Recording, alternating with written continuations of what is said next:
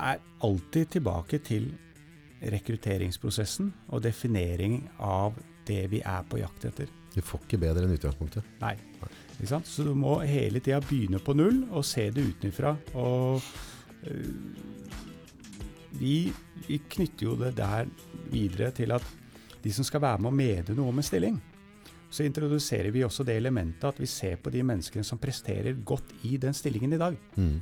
Så selv om du er den som skal ansette, Mm. så kan det hende at jeg da snakker med han eller hun eller de to eller de tre som presterer best i butikken din i dag, Mm. for å finne ut av hvordan er de skrudd sammen. Mm. Hva er det som er så spesielt med den bakgrunnen de har, og med den personligheten og den atferden de utviser, så at vi da kan lete etter det du kaller da toppresterere Mm. i butikken. For Da leter vi jo aktivt etter noe som allerede fungerer godt i dag, og som mest sannsynlig da kommer til å gå godt inn i det teamet. Hvor avgjørende er det tror jeg, altså, at du har en god grunnstamme altså i et selskap som, som starter lite og jobber oppover, at du gjør riktige ansettelser de første åra? Det, det, det er helt avgjørende, altså fundamentet i bånn. Og det er derfor vi sier altså rekruttering det handler om å bruke tid på det også. Altså Det trenger ikke nødvendigvis å, å, å gå så lang tid i prosess. For det er jo altså hvor mye du jobber med det. Og, og en del av de menneskene som blir engasjert altså Den største utfordringen, altså grunnen til at vi vinner oppdraget i dag, er jo utelukkende fordi at de, våre oppdragsgivere forteller at de sliter med å få tak i de riktige folka fort nok. Er det et generelt problem i Norge? Det er et generelt problem. Spiller ingen rolle om det er aktøren, kunden vår oppe i Hammerfest, eller om det er han eller hun nede i Vestfold. Alle ledere sier stort sett at det vanskelige er å få tak i de riktige folka fort nok. Ja. Hvis vi skreller bort absolutt alt annet.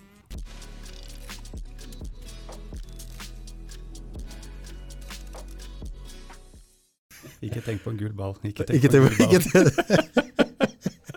Tre, to, én. Velkommen til Nordpodden, Morten Setsås. Tusen takk, August. Så hyggelig å være her. Og jeg har gleda meg. Du, det har jeg òg. Ja. Jeg er faktisk spent, og veldig for første gang på lenge litt, eh, litt smånervøs. Å, så deilig. Ja, jeg har Ja. gått og gleda meg til det der. Kult. Ansettelser, folk. Altså, det, det, det er jo superspennende. Ja. Og jeg hører at uansett på hvilket arbeidssted jeg er, så er dette et gjengående tema. ja. Uh, og derav så har jeg jo hatt vanvittig mye flotte lage telefoner med deg. Vi møttes jo, er det et år siden nå? Du, det er faktisk to år siden. Så der ser du. Ja, Tida flyr. Ja. Så altså, du driver med rekruttering, eller altså, skal, det, det blir kanskje ikke riktig å si det sånn, men du, du jobber med å skaffe riktige folk til riktig stilling, holdt jeg på å si, eller omvendt. Riktig stilling til riktige folk. Nei, det er jo i hvert fall målet. Ja. Og det er det vi jobber eh, knallhardt med hver eneste dag for å klare det. Folk er eh, komplekse. Det er vanskelig.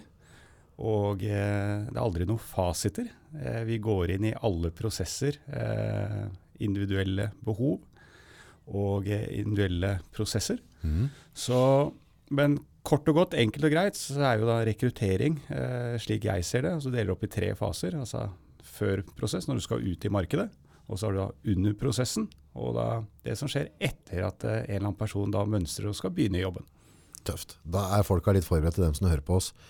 Men vi må jo gå noen skritt tilbake. Ja. For nå var det da type to år siden vi møttes. Ja. Eh, og da, da skjedde det mye rundt Morten. Du, det var en fantastisk spennende tid, som jeg husker som det var i går. Ja. Eh, da åpnet jeg jo butikken. Ja.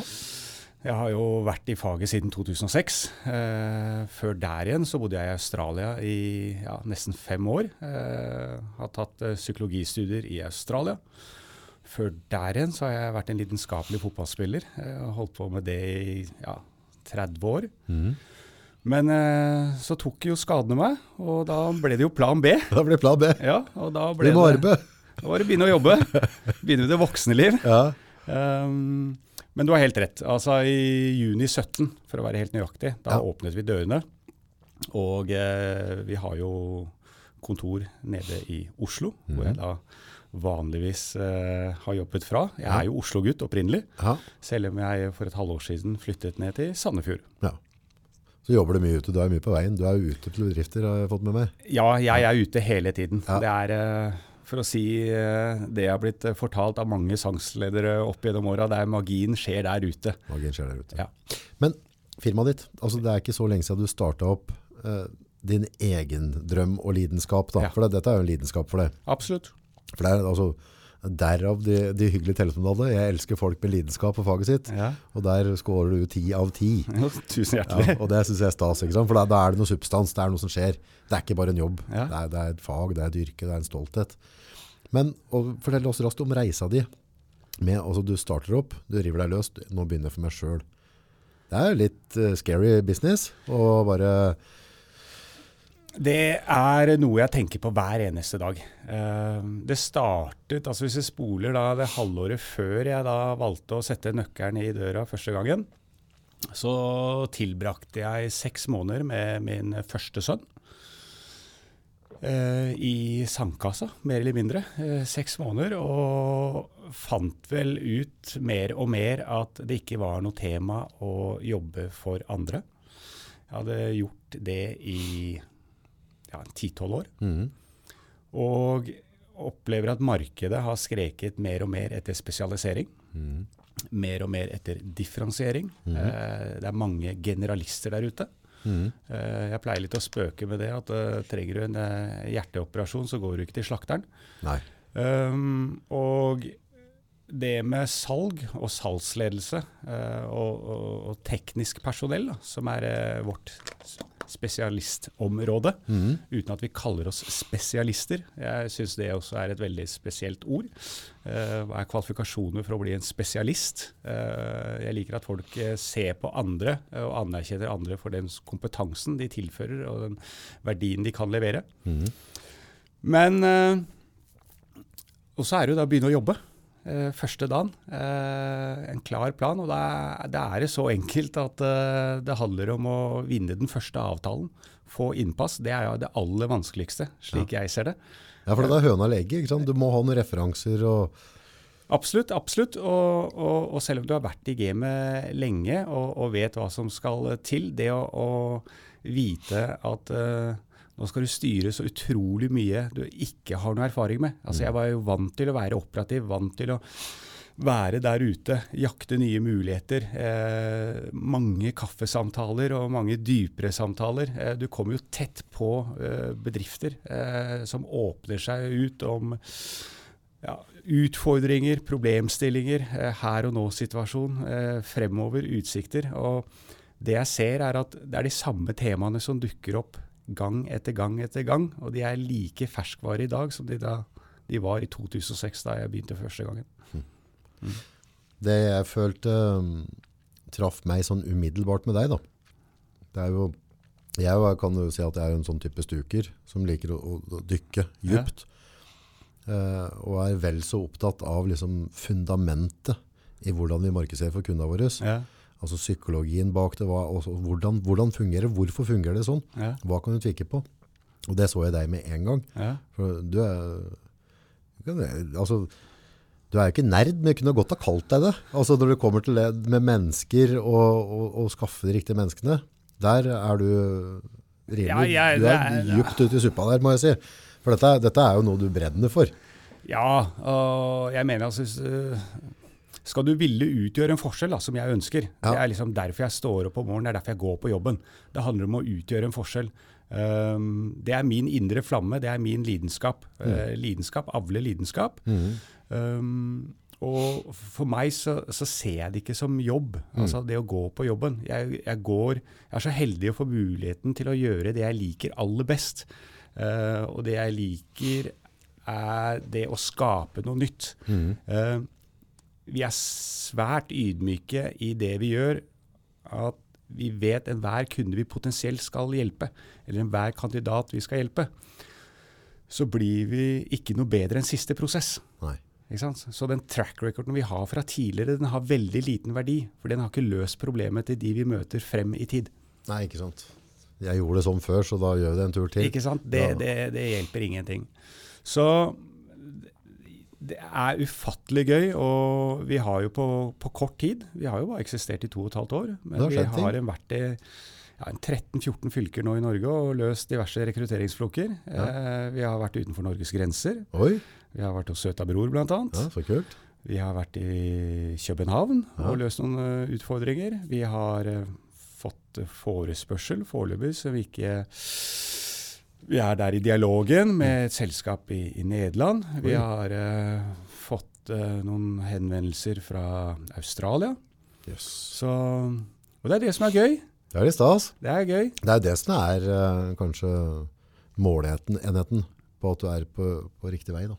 Når du ser du får sånn der, For to år siden så hadde du bare tenker at sånn, kanskje en dag jeg får det, og så plutselig så kommer det der. Ja, Og da må du liksom sette seg litt tilbake av stolen og så nyte det litt. ja. For det er jo det er ikke en selvfølge at du skal ha de mulighetene du har nå i dag for to år siden. Overhodet ikke. Det er Mange timers arbeid. Ja, det, ja vi, vi snakket om det litt tidligere. Altså, jeg, jeg fører jo timer altså for min egen del. Eh, vi vet jo at eh, som gründer og eier så, så er du på jobb 24-7. Mm. Eh, I hvert fall sånn som jeg ser det. Og, og mange jeg har møtt på veien. Det er en, eh, det er en evig kamp. Eh, du bryr deg litt ekstra. Du, vi har ingen rike onkler i ryggen. Jeg har gått inn med egne oppsparte eh, midler. Alt. Eh, alt. Det har vært mye knekkebrød og, og flykrasj. Um, så du må jo fylle rollen som markedsfører, som økonom, som forretningsmann, som vaskedame, som eh, sekretær. Altså det, er, det er alle titler som de store selskapene har fordelt rundt om huset. Den må du bekle. Det er fryktelig mange hatter. Eh, det krever at du er veldig ujålete og tar eierskap 100 til alle. Eh, på tross av, eh, skal jeg erkjenne også, at du ikke har eh, kunnskapene rundt det. Men, men heldigvis er det mye fine folk der ute. Folk eh, er glad i å dele. Og hvis du er nysgjerrig og ydmyk, så, så, så er mye hjelp der ute. Da får du mye tilbake. Mm. Rekruttering, eller altså ansettelser. Ja. Det, som jeg pratet på tidligere, så tror jeg ikke det er ett kaffebord eh, der jeg på en måte sitter og prater med, med ledelse, eller altså alle.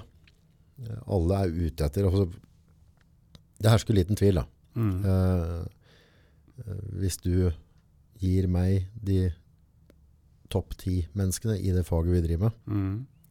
uh, og jeg har kundemassen og har kunnskapen til å holde dette her i hus, så, så ligger det an til å bli et godt år. Ja. Men dette er jo den alle lurer på. Hvordan finner jeg det rette mennesket? For det kan være som Et menneske kan være helt king i en sånn type jobb, og så kan jeg ta samme menneske og sette i en annen jobb, og så funker det ikke på en måte. Absolutt. Eh, og dette er så, det er så komplekst. Du, Det er veldig komplekst, og jeg skulle gjerne likt å kunne sitte her og si at eh, det er et Ja. enkelt svar på det. Um, men det er det ikke. Uh, men hvis vi heller snur litt på spørsmålet, mm. uh, så kan jeg jo fortelle litt om de problemene og utfordringene jeg har sett over mange, mange år. uh, som da viser seg å være like høyaktuelle i dag. Mhm. Eh, og det er jo først og fremst altså De fleste selskaper i dag, når de skal attrahere og finne noen mennesker, så rabler man ned på et eller annet ark, mm. eh, en eller annen form for stillingsutlysning. Mm. Finner en eller annen kanal. Eh, Mhm. For mange så har det vært eh, Finn.no. Mhm. Legger den ut, og så lar man det gå en tre-fire uker. Og så håper man at uh, man skal vekke noe, noe napp der. Og så kommer det noen mennesker inn, potensielt. Og så skriner man litt på det, tar en liten gjennomgang her og der. Og så viser det seg da ikke være noe særlig riktig. Mm. uh, største utfordringen vi ser, er det med stillingsutlysninger i dag. Det er at det, det er kvaliteten av det som går ut, det er det du får tilbake i respons. Åh, Ikke sant? Så det, det er mye venstrehåndsarbeid. Ja. Det er en eh, to-tre linjer om noen tørre, kjedelige fakta som uh, den nysgjerrige kunne ha funnet ut på egen hånd. Mhm. uh, det er altfor få som beskriver hva problemstillingen er, de sentrale kravene, det det faktisk går ut på eller innebærer å jobbe hos noen, Mm. og, og hvilke kompetanser en ser etter, hva de kompetansene betyr, og egenskapene en er på jakt etter. Det blir mange floskler med liten substans og lite føringer til han eller hun man ønsker å komme i kontakt med. Så allerede der, skjerp inn. Være mye mer spissa, eh, formidle en story. Det er mange i dag som eh, prøver å være litt sånn ekstra kreative og, og leke med ordspill og, og slike ting. Men det forklarer ikke problemene, det forklarer ikke utfordringene vi sitter med. Det er vanskelig å vite hvem vi egentlig ønsker å komme i kontakt med. Mm. Og når vi selv ikke klarer å vite hvem vi egentlig er på jakt etter, så er det vanskelig for den som sitter på andre sida av bordet, å fortelle om det er meg dere bør satse på. Er det, er det for at vi på en måte Klart det kan være mangel på kunnskap når vi lager den sånn, men så kan det være litt sånn at du tenker på at det er ålreit at mange søker, så vi lager den litt sånn litt åpen. For mm. kanskje jeg kan finne en stjerne iblant dem som, som søker, da. Er Absolutt. Og det er jo det mange gjør. Eh, Senest i forrige uke så traff jeg et selskap eh, nede i Vestfold som forteller meg at de hadde fått over 90 søkere. Oi da. Og det er ganske høyt antall. Det er litt av en jobb å gå gjennom. Det er en, både en jobb å gå gjennom, eh, men når du ender opp med at den rette ikke var blant de 90, så er du egentlig like langt. Og det var jo den store overraskelsen. For at du, de var jo sikre på at eh, gullet skulle være blant de 90, Mm. men det var det ikke. Det bringer meg videre på at det er veldig reaktivt arbeid. Eh, det vi jobber mye med, og det vi ser da gjør den større forskjellen, det er å jobbe aktivt. Altså det å jobbe med search, eller det å aktivt lete etter han eller hun Mhm. som vi mener har de egenskapene, de kompetansene, og passer den profilen etter at den er godt definert i hva vi leter etter. Er det sånn at på en måte, la oss si hvis jeg hadde mm, ønska meg en jobb, da, Mm. og så tenker jeg at jeg har en verdi uh, for noen der ute, Mm. er det sånn at jeg kan eh, kontakte deg og si eh, Morten, nå skal jeg ut på arbeidsmarkedet. Mm. Eh, vil du ta en prat med meg og vite om meg? Er det sånn at det kan funke sånn nå, eller? Absolutt. Absolutt. Det er det. Så da gjør du allerede litt sånn jobbevaluering før du egentlig kanskje vet, og så kanskje kommer opp et selskap som nettopp trenger en sånn som meg. Da. Ja, altså først og fremst så, så handler det om å ta en prat. Mm. Eh, og, og hvis noen tar kontakt med oss eh, og, og ser at vi kan tilføre en eller annen form for verdi, så er vi svært ydmyke i forhold til det. Vi inviterer alltid inn til en kopp kaffe og tar en, eh, en prat. I en sånn setting så handler det ikke om et intervju, Nei. det handler om en prat. Bekjent. Bli litt kjent. Eh, og så er vi åpne og transparente i forhold til hvordan vi jobber. Og, og det er jo en annen ting. Være ærlig og tydelig i forhold til det å avstemme forventninger til han eller hun på andre sida av bordet. Mm. Eh, vi jobber jo stort sett oppdragsbasert. Mm. Det innebærer at eh, det er en eller annen aktør der ute som har engasjert oss for å finne deres neste stjerne eller medarbeider. Mm. Og det er mange mennesker vi møter på veien. Eh, det kan hende da at de ikke passer inn i de rollene der. Da begynner du å få et portefølje etter hvert. Ja. Absolutt. Så, så det er todelt. Eh, Så en, en, en arbeidsgiver da, som er ute til folk, så hvis han da tar kontakt med deg, så kan det godt hende at du har noen bak i blokka det går an å, å gjenbesøke.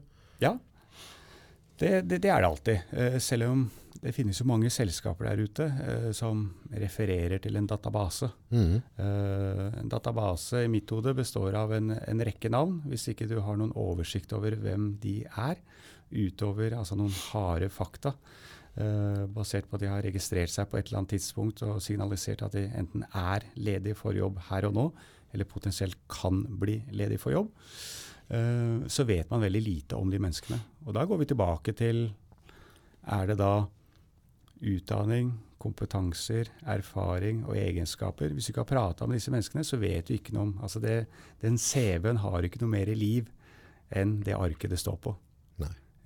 Så det handler om å ha den praten med mennesker. Jeg sier at kompetanse og tilstedeværelse er ferskvare. Mm.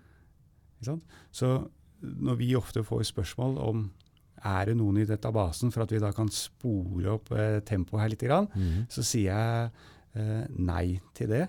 Eh, men vi jobber jo aktivt og snakker med mennesker hver eneste dag eh, innenfor vårt domene, som gjør at den prosessen kan potensielt bli mye kortere. Ja, for det, det som er utfordringa, eller sånn, en sånn derre du, du skal jo på, La oss si vi skal skaffe en ansatt hos meg, da. Ja. Eh, og så maser jeg veldig. Jeg trenger noen fort. Så kan det være fristende for deg å også dytte noen over. ikke sant? Men, men du må jo fortsatt gå samme prosessen, for du ønsker jo ikke å, eh, å, å hjelpe meg videre hvis ikke du føler deg veldig sikker på at dette faktisk er til hjelp. da. Nei, vi begynner på, begynner på null hver eneste gang. Mm. Altså, vi, vi har jo noen, eh, noen, noen kunder i dag som vi har hjulpet både fem og seks ganger. Ja. Og, og vi begynner på null hver gang. Ja. Eh, og det er for at jo, selskaper som vokser, så, så endrer kulturen seg. Ja. Det er nye utfordringer som, eh, som møtes. Det er um, mennesker som kanskje satt i en eller annen funksjon, som har gått over i nye uh, stillingsfunksjoner. Eh, mål har eh, endret seg. Nye kundeforhold som har kommet på. Områder og avgrensninger. Det er mange nye variabler. Så det at bare fordi du har jobbet med noen og kjent noen lenge, eh, så er det alltid her og nå-situasjon mot fremover. Mm. Eh, la oss si hvis, uh, hvis jeg hadde hyra deg inn, da. Så Ja. jeg skal ha tak i ja. Det hadde vært hyggelig om du hadde gjort det. ja, det kommer det en dag. det kommer det. Men hvis jeg hyrer deg, hvordan tar du tak i den situasjonen? Altså, hva, hva kan jeg forvente meg? Hva skjer? Hvordan er prosessen? Eh, Det første vi gjør da, det er at jeg kommer til å kreve en god del tid i din kalender. Mm. Da også begynner vi med det som handler om å definere en jobbanalyse. Eh, Så da kommer vi opp og besøker deg. Eh, Aldri ned til oss. Eh, Vi skal inn og se butikken din. Vi skal møte menneskene, ta pulsen. Så setter vi oss ned, og så, så, og så snakker vi sammen. Dernest så vil vi involvere alle de menneskene som vil være sentrale samspillspunkter rundt den ansettelsen og det mennesket i forhold til de menneskene det nye medarbeideren skal forholde seg til å jobbe med. Så eksempelvis, da, i ditt tilfelle, da, Mm. som, eh, som, som eier og daglig leder i Signor, så er det kanskje andre disse menneskene du skal ha inn, er nødt til å forholde seg til mye.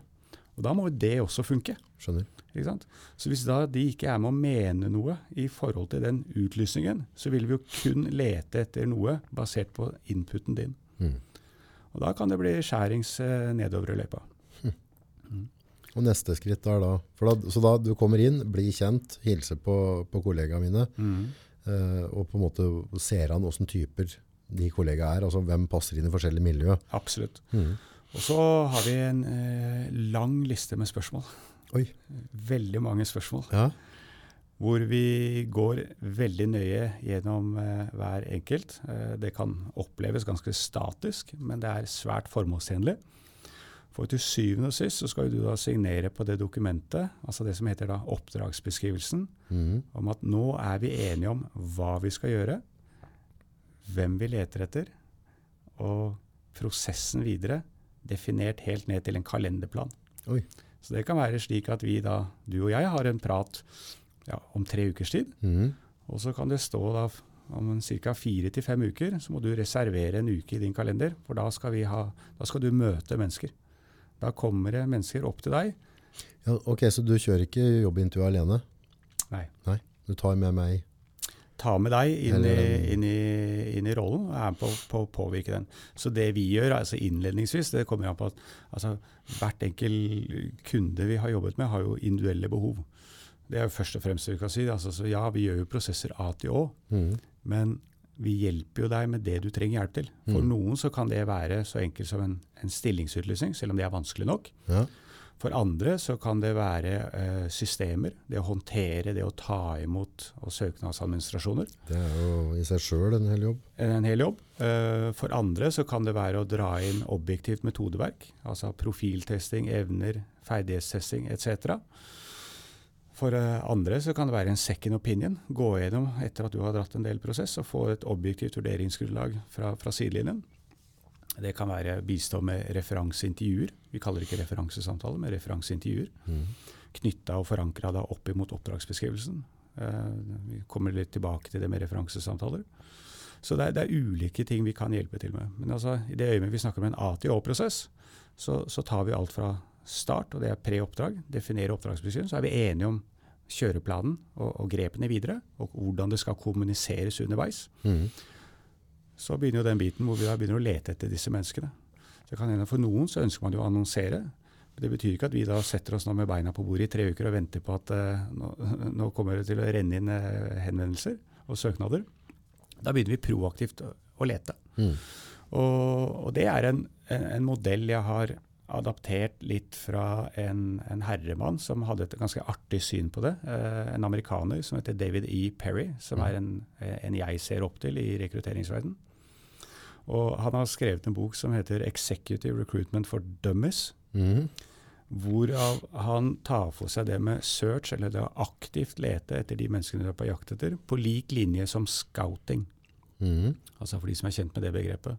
Altså det å gjøre analyser, altså i fotballverden, eller amerikansk fotball, da, som han refererer i sitt eksempel. Men altså la oss bruke fotball her i, nå. Så er det det å, å, du har en stjernespiller på laget. Mm. Uh, og nå har den stjernespilleren da enten blitt skadet eller solgt. Så ønsker vi da å erstatte han eller henne. Og da går vi inn og ser på hva var de sentrale egenskapene til han eller henne. Hvordan er de skrudd sammen? Var det høyrebenet? Var det venstrebenet? Var det lungekapasitet? Nei, Og så videre og så videre. Så jo mer vi vet om hva som lå til grunn for at han eller hun skulle prestere, det er det vi leter etter med å erstatte. Så da gjør vi en målgruppeanalyse. Mm. Hvis du skal ha tak i mennesker inn i, inn eh, i din butikk, så hva gjør de utafor jobb? Hva er de opptatt av? Går Mhm. tiden i å sitte på, på Netflix og følge med på Game of Thrones, eller er de opptatt av å klippe? Er de opptatt av med gamification? Eh, sitter de nede på kafeen og drikker kaffe latte og leser bøker? Ja, for det kan si litt om mennesker. Det kan si veldig mye om mennesker, eh, og de skal jo inn i en kultur. eh, og det må passe. Mm. Og enkle ordtak at like barn leker best. mm. Eh, Det er fortsatt gjeldende på, på mange områder. Eh, og, og det å bygge et lag, det handler jo om å, å ha noen som er eh, gode i totalen. Mm. Og, da, det krever en, en synlighet fra, fra ledelse. Og det krever at de som sitter i rollen, både vet hvorfor de sitter i rollen, at det gir en mening å sitte i rollen, kontra det at jeg som potensiell leder, eller du som potensiell leder, prøver å overøse vår visjon. Hvis ikke de tror på den retningen selv, og hvor de skal, og hvorfor de gjør det de skal, så vil de ikke sitte over den over tid. Hm. Så Nå kjenner du meg eh, noe, da. Hvordan det, så du har sikkert gjort det med sånn type jeg er. Hvordan, eh, hvordan folk bør jeg, hvis jeg skal knytte til med noen folk, da, ja, eh, noen som jobber tett med meg, ja. hvordan egenskaper, er det folk som drikker kaffe latte, eller også hvilken, Eh, nei, altså Jeg tror ikke du bryr deg så mye om de drikker kaffe latte eller ikke, selv om jeg tror eh, absolutt at ikke du bruker tida di på det. Mm.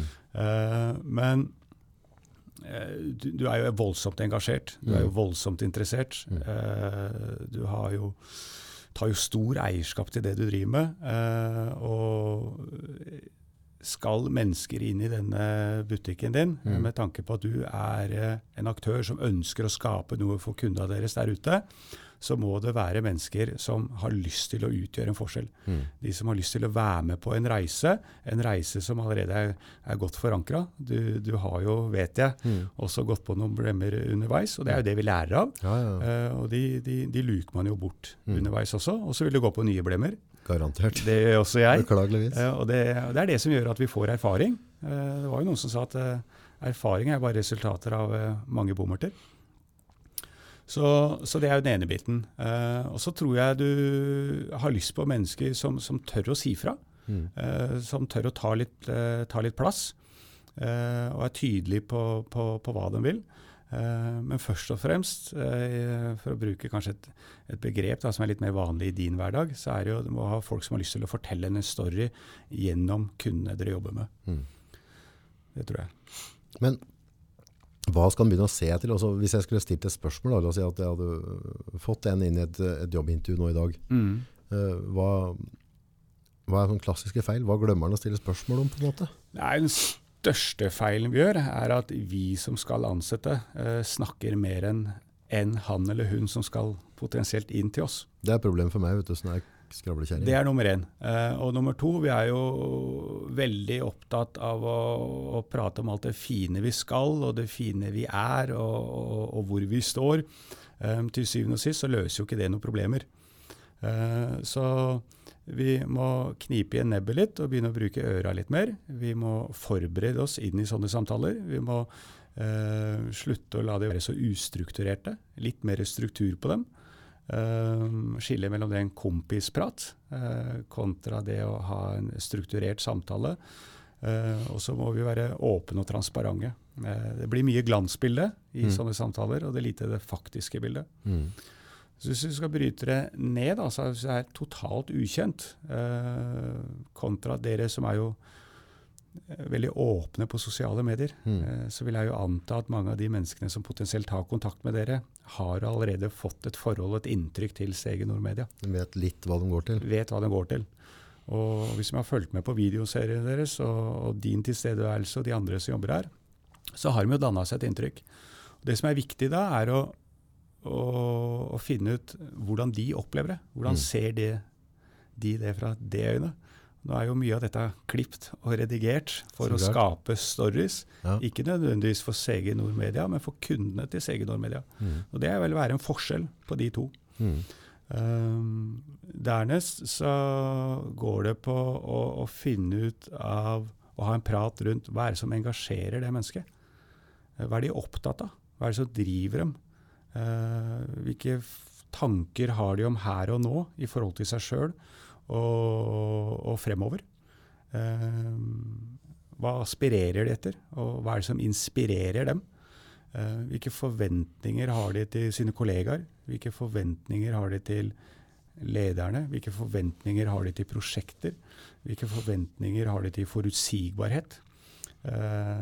Vi ser jo gjennom igjen utlysning, altså det å være fremoverlent, og det å ha stå-på-vilje, det å ha arbeidsmoral.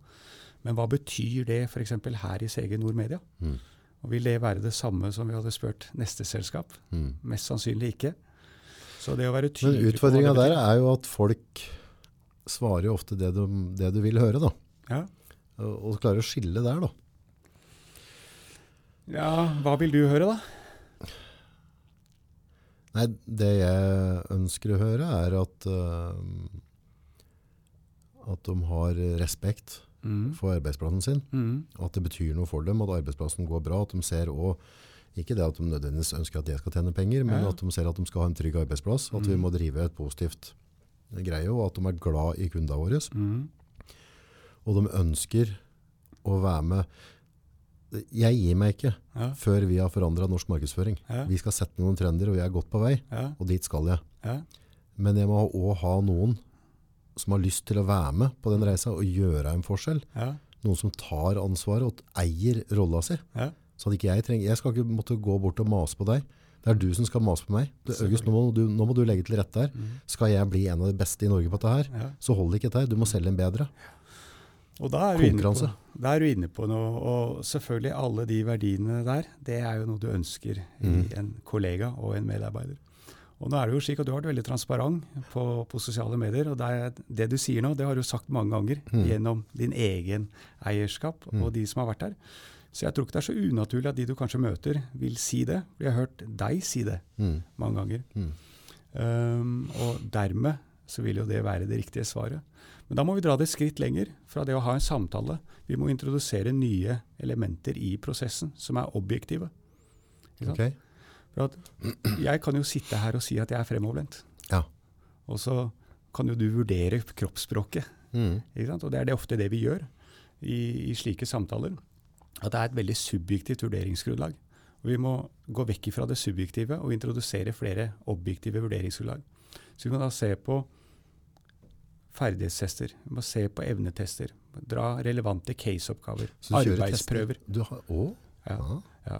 Så vi setter opp eh, skreddersydde eh, caseoppgaver for eh, mange av våre kunder. Mm. Vi gjør ulike tester. Ikke for å teste, det kan oppleves sånn skremmende eller Mm. negativt, men det handler om å bli bedre kjent med mennesket. Eh, de verktøyene vi bruker, for det er jo bare noe du responderer på. Og det er bare hvordan du ser verden og hvordan du ser bildet i forhold til det vi er på jakt etter, Mm. gjennom våre oppdragsgivers øyne. Og da har vi en samtale bare rundt det. Det handler ikke om å finne ut om du er eh, fryktelig dårlig i, på den numeriske siden, eller har vanskeligheter på, på, på, på rettskrivning f.eks. Men da, det sier noe om at da vet vi hva vi skal forholde oss til, og hvordan vi må eh, ta hensyn til det. Altså Vi ser jo etter et sett med kunnskaper, og vi ser etter en, et sett med motivasjon. Mm. Og er begge de på plass, så er sannsynligheten for at det kommer til å funke. Mm. Men så har du det tilfellet hvor du har f.eks. noen på, som er høye på kompetanse og lav på motivasjon. Mm. Og så har du de som er lav på kompetanse, men høy på motivasjon. Jeg kan tenke meg at du har prøvd litt på det. Mm. Altså finne mennesker da, som virker interesserte, og som er, virker å, å være motiverte, men som du da skal lære opp. De har ikke kompetansen, men så skal du lære opp den.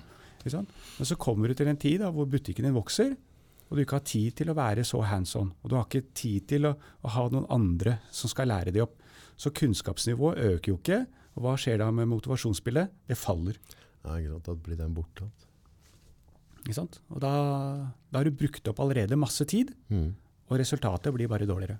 Ja, for jeg tror en, sånn, en generell greie med, med folk som um, driver en eller annen form som butikk, egentlig samme som butikk det er, så tror jeg det er veldig, veldig mange som uh, eller jeg, hvert fall selv, jeg er veldig glad i å se muligheter i folk. Altså, jeg, altså Hvis jeg ser at du har et spesielt talent, så lar det meg gire opp. Ja. Uh, og jeg er ute av den oppfatninga at uh, om ikke du uh, er en kameramann nå, Mm. så vet jeg at hvis du liksom hadde sagt jeg har lyst til å bli kameramann, så tar det ikke lang tid før vi er oppe og nikker. Mm. For jeg vet at du, du, du har det som skal til. Du, du har, Jeg har lyst til å lære, jeg er nysgjerrig. Jeg liker å kaste meg ut i nye ting. ja, Og det, det må jeg si takk til deg. Du har vært med å utfordre meg der. Og det er jeg veldig glad for. så bra. Men problemet er da noen ganger, så på grunn, selv om jeg da ser potensial, eller pot- eller- så, så er det ikke alltid de er kanskje interessert i det. da. De, de har ikke eh, Det er så fort gjort for meg å la meg engasjere. Ja. Uh, og, og se at det bare, hvis han gjør sånn og sånn nå, så kan dette her har kjempemuligheter. Ja. Så kommer vi underveis, og skal vi gjøre jobben, og så, så kommer de grå dagene gjennom vinteren, Ja. og så forsvinner den motivasjonen der. Mm. Og så, Og det er jo den klassiske vi, vi vil, vi vil, og vi håper og vi håper, og vi tror at tiden kommer til å, å gjøre ting bedre. mm, Uh, altså, det, med, det, er, det er mye evidensbasert knytta til eh, motivasjon og Mm. insentiver. Eh, og mange variabler der. Eh, til syvende og sist så, så, så er de individuelle. Eh, for noen så er de kjempemotiverte av lønn. mm, mulighet til å påvirke egen lønn. Det finnes jo de som ønsker å gå uten, uten fastlønn uh, og, og trygge rammer, Mm. men som, som elsker muligheten av at uh, sky's the limit. Mm. Uh, det finnes andre som må ha tryggheten på plass, hvor det er andre verdier som underbygger det. Det går på det sosiale, eh, tryggheten, forutsigbarheten.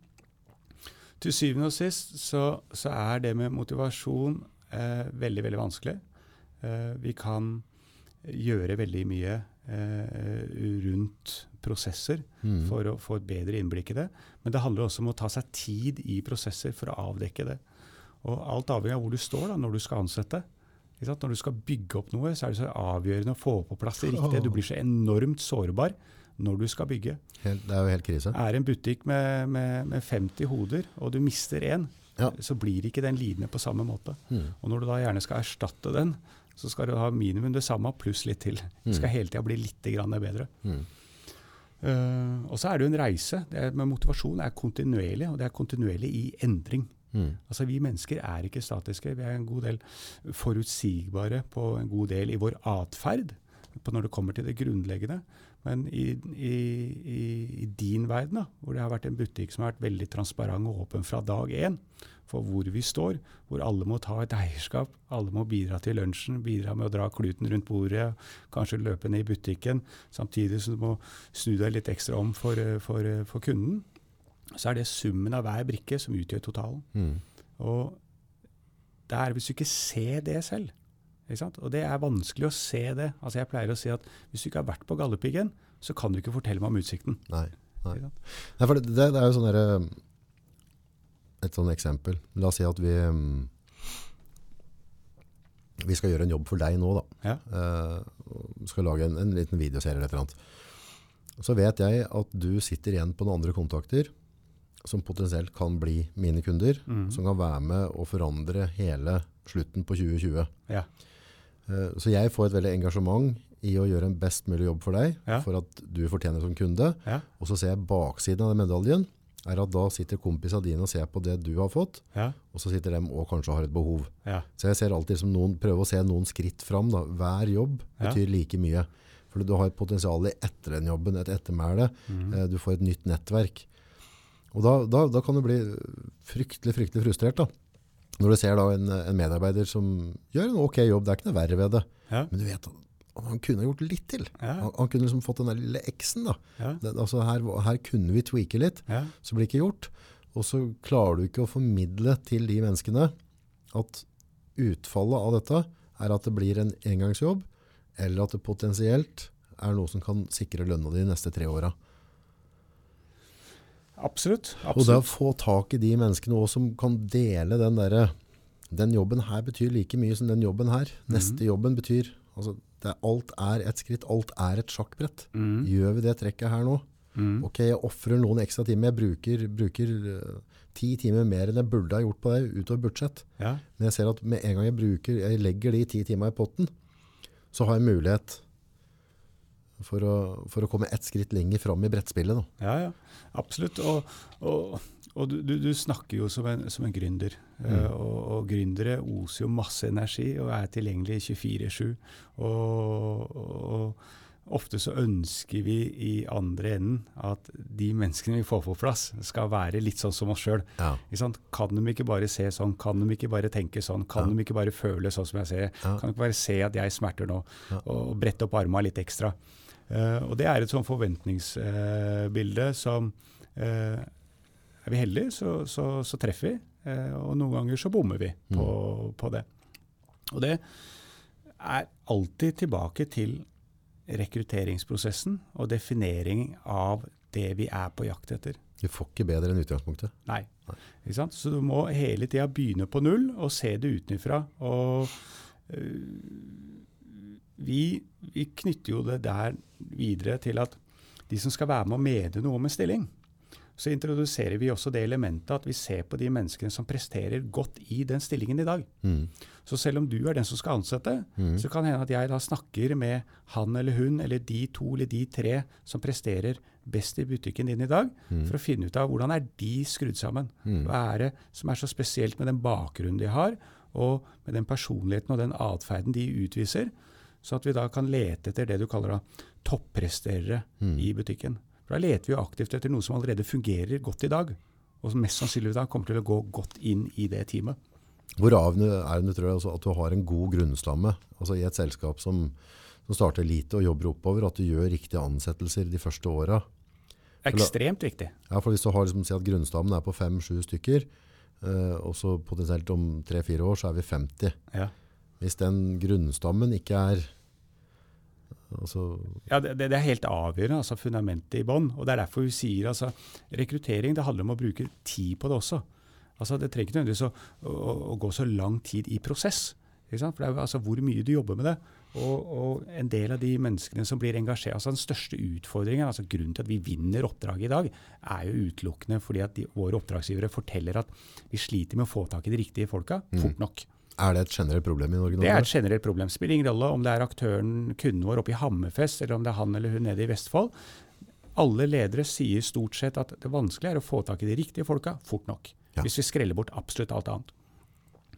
Dernest er det jo slik at når du skal være ute da, og, og vinne oppdrag, være med å, å skrive manus, du skal betale regninger, du skal uh, reise rundt uh, land og strand, da har du ikke tid til å jobbe målretta med å ansette åtte timer hver dag. Nei, det går jo ikke. Det går ikke. Ikke? Men det er det vi gjør. Mm. Så for vår kunde så setter vi oss ned så jobber vi mandag til fredag. Til det oppdraget er løs, så jobber vi stort sett åtte timer med det. Jeg ser jo det nå, nå i dag og, og, og framtida, at i Altså Du kan spare veldig mye penger med å bruke noen penger på å ansette, da. For å si det pent. Ja, Ja. Jeg tror det kan, kan Kanskje det koster noen kroner akkurat der og da, og du føler at det ikke passer. Men én ting er helt sikkert, hvis du på en måte gjør det feil, og det ikke passer det koster enda mer. Ja, Altså, det, dette er jo regnet på. eh, et sted mellom altså, I beste tilfelle en halv million i feilansettelse i feilansettelse. I beste tilfelle. Ja. Altså, må vi se da, altså, fra, så har du valgt det, å gjøre det sjøl. Og så har du må du begynne å regne per time mm. du tar i arbeidet. Eller han eller hun som sitter i det. Kunne sette fakturert noe annet i stedet. ikke sant? Ikke sant? Og tar du det regnestykket da, for at du skal få det mennesket ut etter at du har betalt dem en to, tre, fire, fem måneder, Mm. og så exiten, og så skal du sette i gang en ny prosess. Det viser at det regnestykket er fort opp i en halv million pluss. Mm. Det verste tilfellet vi har hørt om, er oppimot to millioner. Mm. Jeg har hørt om noen av dem, jeg òg. Og mer enn det. Så det er Det, det er, det er, det er jo egentlig sånn no-brainer å å- å heller slå seg på med noen som kan dette faget. Absolutt, absolutt. Og, og det, er, det er jo så store prisforskjeller på, på, på tjenester. Altså, Altså, vi, vi er jo ikke låst på, på at det, det er alt eller ingenting. Altså, vi hjelper jo våre oppdragsgivere med det de trenger hjelp til. Uh, men det, det, viktigste til syvende og sist, da, det er jo at du er, du når du skal sette bort en jobb, at du er trygg på de du ønsker å samarbeide med. Mm. Ja, det er jo så enkelt. altså Skal jeg kjøpe dine tjenester, så må jeg jo anerkjenne dine tjenester. Ja. Ikke sant? Og være trygg på at du Ja, kan levere det jeg trenger hjelp til. Og nummer to, så må vi samarbeide om det. Det er jo det viktigste. Det er ikke sånn at du bare du setter bort en jobb helt og holdent. Vi må gjøre hverandre gode Mm. på det, og da må vi involvere oss, og de vi skal hjelpe, må involvere seg. Gjøre til rette for at vi skal prestere best mulig for å skape det resultatet. Og så fungerer jo vi da som den utstrakte arm, ambassadøren, ut i markedet. Vi, vi synliggjør ikke oss sjøl, vi synliggjør oppdragsgivere.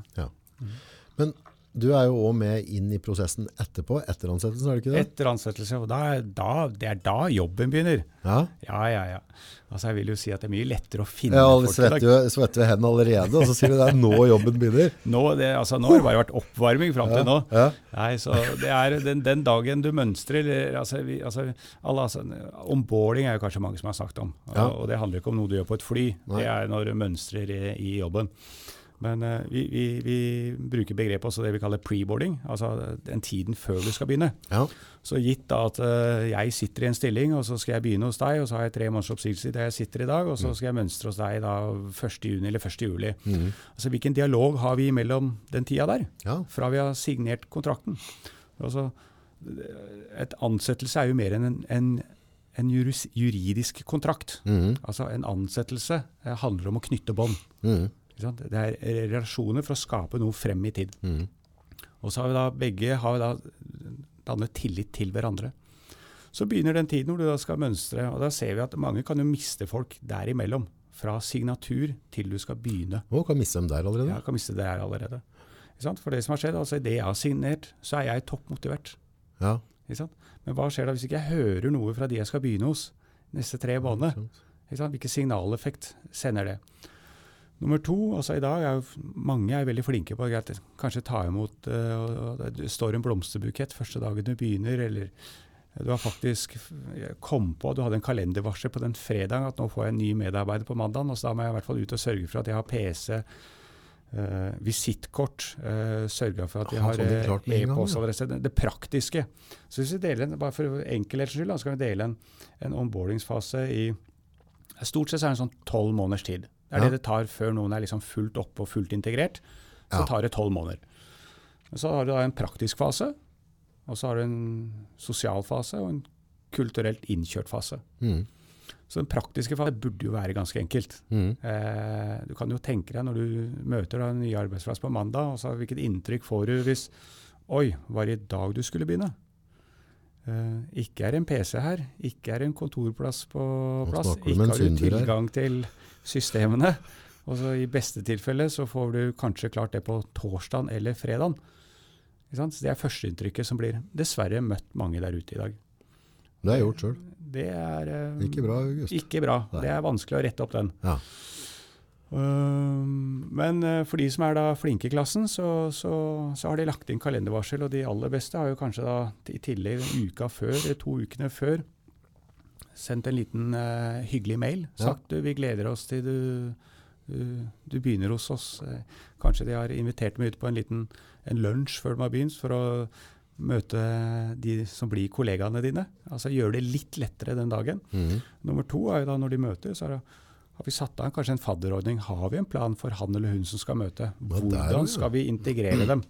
At eh, du og jeg da setter oss ned, og så har vi et, eh, et, et ark hvor vi, vi skal huke av ting. Hvor jeg da skal signere og kvittere ut på at eh, ja, nå har jeg fått den PC-en, at jeg har gått gjennom, fått introen på det og det, den opplæringsbiten. Nå har jeg vært og besøkt den leverandøren for å bli innkjørt på, på det. Jeg har vært og tatt disse klippetimene osv. Mm. Og, så videre, og kvittere ut det. For da ser du hele tiden fremdrift og eierskap. Uh, Dette har jeg ikke tenkt på engang. Nei, og, og, og mange ansetter jo i dag folk som altså Det ser vi jo i stillingsutlysninger i dag. altså Det er nesten skremmende at folk skal jo være så selvgående og dyktige. Mm. Altså De to mest brukte adjektivene eh, på, på finn.no i dag, hvor jeg lurer nesten på altså Skal vi være så selvgående og dyktige at du ikke trenger å ha noe med dem å gjøre? Mm. Ikke sant? Og det, det, for mange så kan det oppleves sånn. Uh, og boarding er noe som tas ekstremt lett på, og det er jo liksom den viktigste fasen. Da er jo vist og sagt og formidlet gjennom en signatur at dette er noe jeg vil, dette er en reise jeg har kommet av med, jeg tror på det jeg har blitt solgt inn, Mm. Uh, og, og du tror på at jeg skal kunne hjelpe deg å løse de utfordringene du har i dag, og det du ønsker å skape videre. Og så blir du møtt med at du knapt husker hvem jeg var den dagen jeg kom. Og det er noen som har det sånn der ute. Spennende. Mm. Neste step. Vi har fått PC, e-mailadresse, og så Ja. vi har uh, Ja. Så neste step er jo den at det er jo ikke vi som rekrutteringsaktør som er ansvarlig for onboardingen. Nei. Men vi kommer inn og gjør avsjekk. Så vi har en avsjekk etter 14 dager. Okay. Så, så har vi en avsjekk etter en måned. avsjekk. Da legger du det. Ja, I de første 14 dager så går vi ut og besøker Ja. eh, og, og, og, setter oss ned og tar en god prat. Fordi da har vi allerede Med den nyansatte. med den nyansatte og deg som leder. Ja. Og Da setter vi oss ned, og da har vi sagt det du da har sagt og det vi har presentert underveis, altså i forhold til de kortsiktige oppgavene. Fordi vi presenterer jo det når vi da går ut og leter etter mennesker, altså. Så har vi presentert hva er de kortsiktige oppgavene og målene og forventningene som du vil Ja. ta fatt den dagen du begynner. Ja. Og når vi da kommer inn etter 14 dager, så er det det vi har begynt med? Ja. Eller har vi kasta oss ut på noe annet for at ting har endra seg siden dette ble avtalt? ja. For det kan fort skje i et firma. Det kan fort skje i et firma. Det kan fort skje. Det er endringer hele tiden. Mm. Og Derfor handler det om å være tett på prosesser.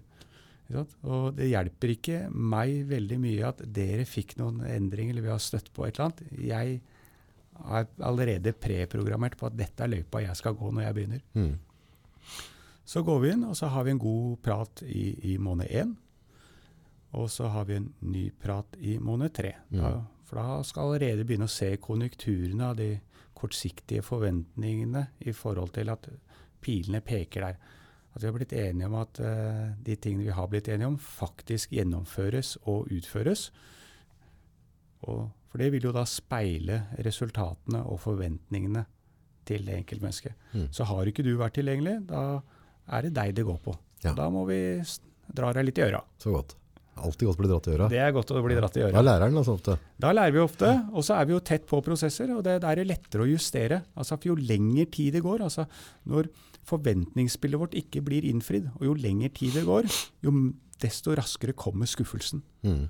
Og da hjelper det ikke om hvem som hadde rett og hvem som hadde feil. Utfallet blir ulykkelig. Mm. Kan du tenke at altså, er det mulig å gjøre en, eh, en riktig ansettelse, men gjøre en feil onboarding som gjør at hele dritten går i vasken? Absolutt. Og det er jo det jeg mener er den største utfordringen i dag. Altså, vi har sett eh, mange mennesker som presterer, og hørt mange historier opp gjennom årene jeg har vært i faget, hvor den første tiden og da, da snakker vi om de første 90 dagene. 90 dager er sentrale dager. Det er liksom, da er det, Det er sentrale dager. Uh, og hvis da ting ikke innfris i løpet av da, selv om det er de riktige menneskene, pga. at for mange variabler har dukket opp i etterhånd, og du har vært fraværende, eller de menneskene som er aktivt involvert rundt den onboardingsprosessen, er fraværende, så kan det få et uheldig utfall. Det andre tilfellet vi ser, er jo noen som har prestert svært godt hos en annen aktør. Mm. Bare for å bruke eksempler, la oss si et annet medieselskap Ja, ja. eh, her oppe på Ringsaker. Prestert svært godt der. Og så finner vi ut, eller møter kanskje, eller får høre om han eller henne, og så drar vi dem inn hit. Og så funka de jo svært godt der borte, men de funker jo ikke her. Ja. Hva skjedde? hva skjedde? Og det er for at vi ikke vet noe om variablene rundt suksess for han eller henne der de kommer fra. Vi blir så fokusert på resultatet alene Ja. som mennesket har gjort. Så glemmer vi hva som må til for at de restene skal komme. Det Dette kan kan være- være andre veien òg. Ja, dette er andre veien også. Sant? Det kan være at jeg hadde en leder som var fantastisk tett på. Det kan være en som eh, kjøpte kake hver eneste fredag. Det kan være en som var flink til å sende en, eh, en melding på mandagsmorgen og ønske en fantastisk arbeidsuke.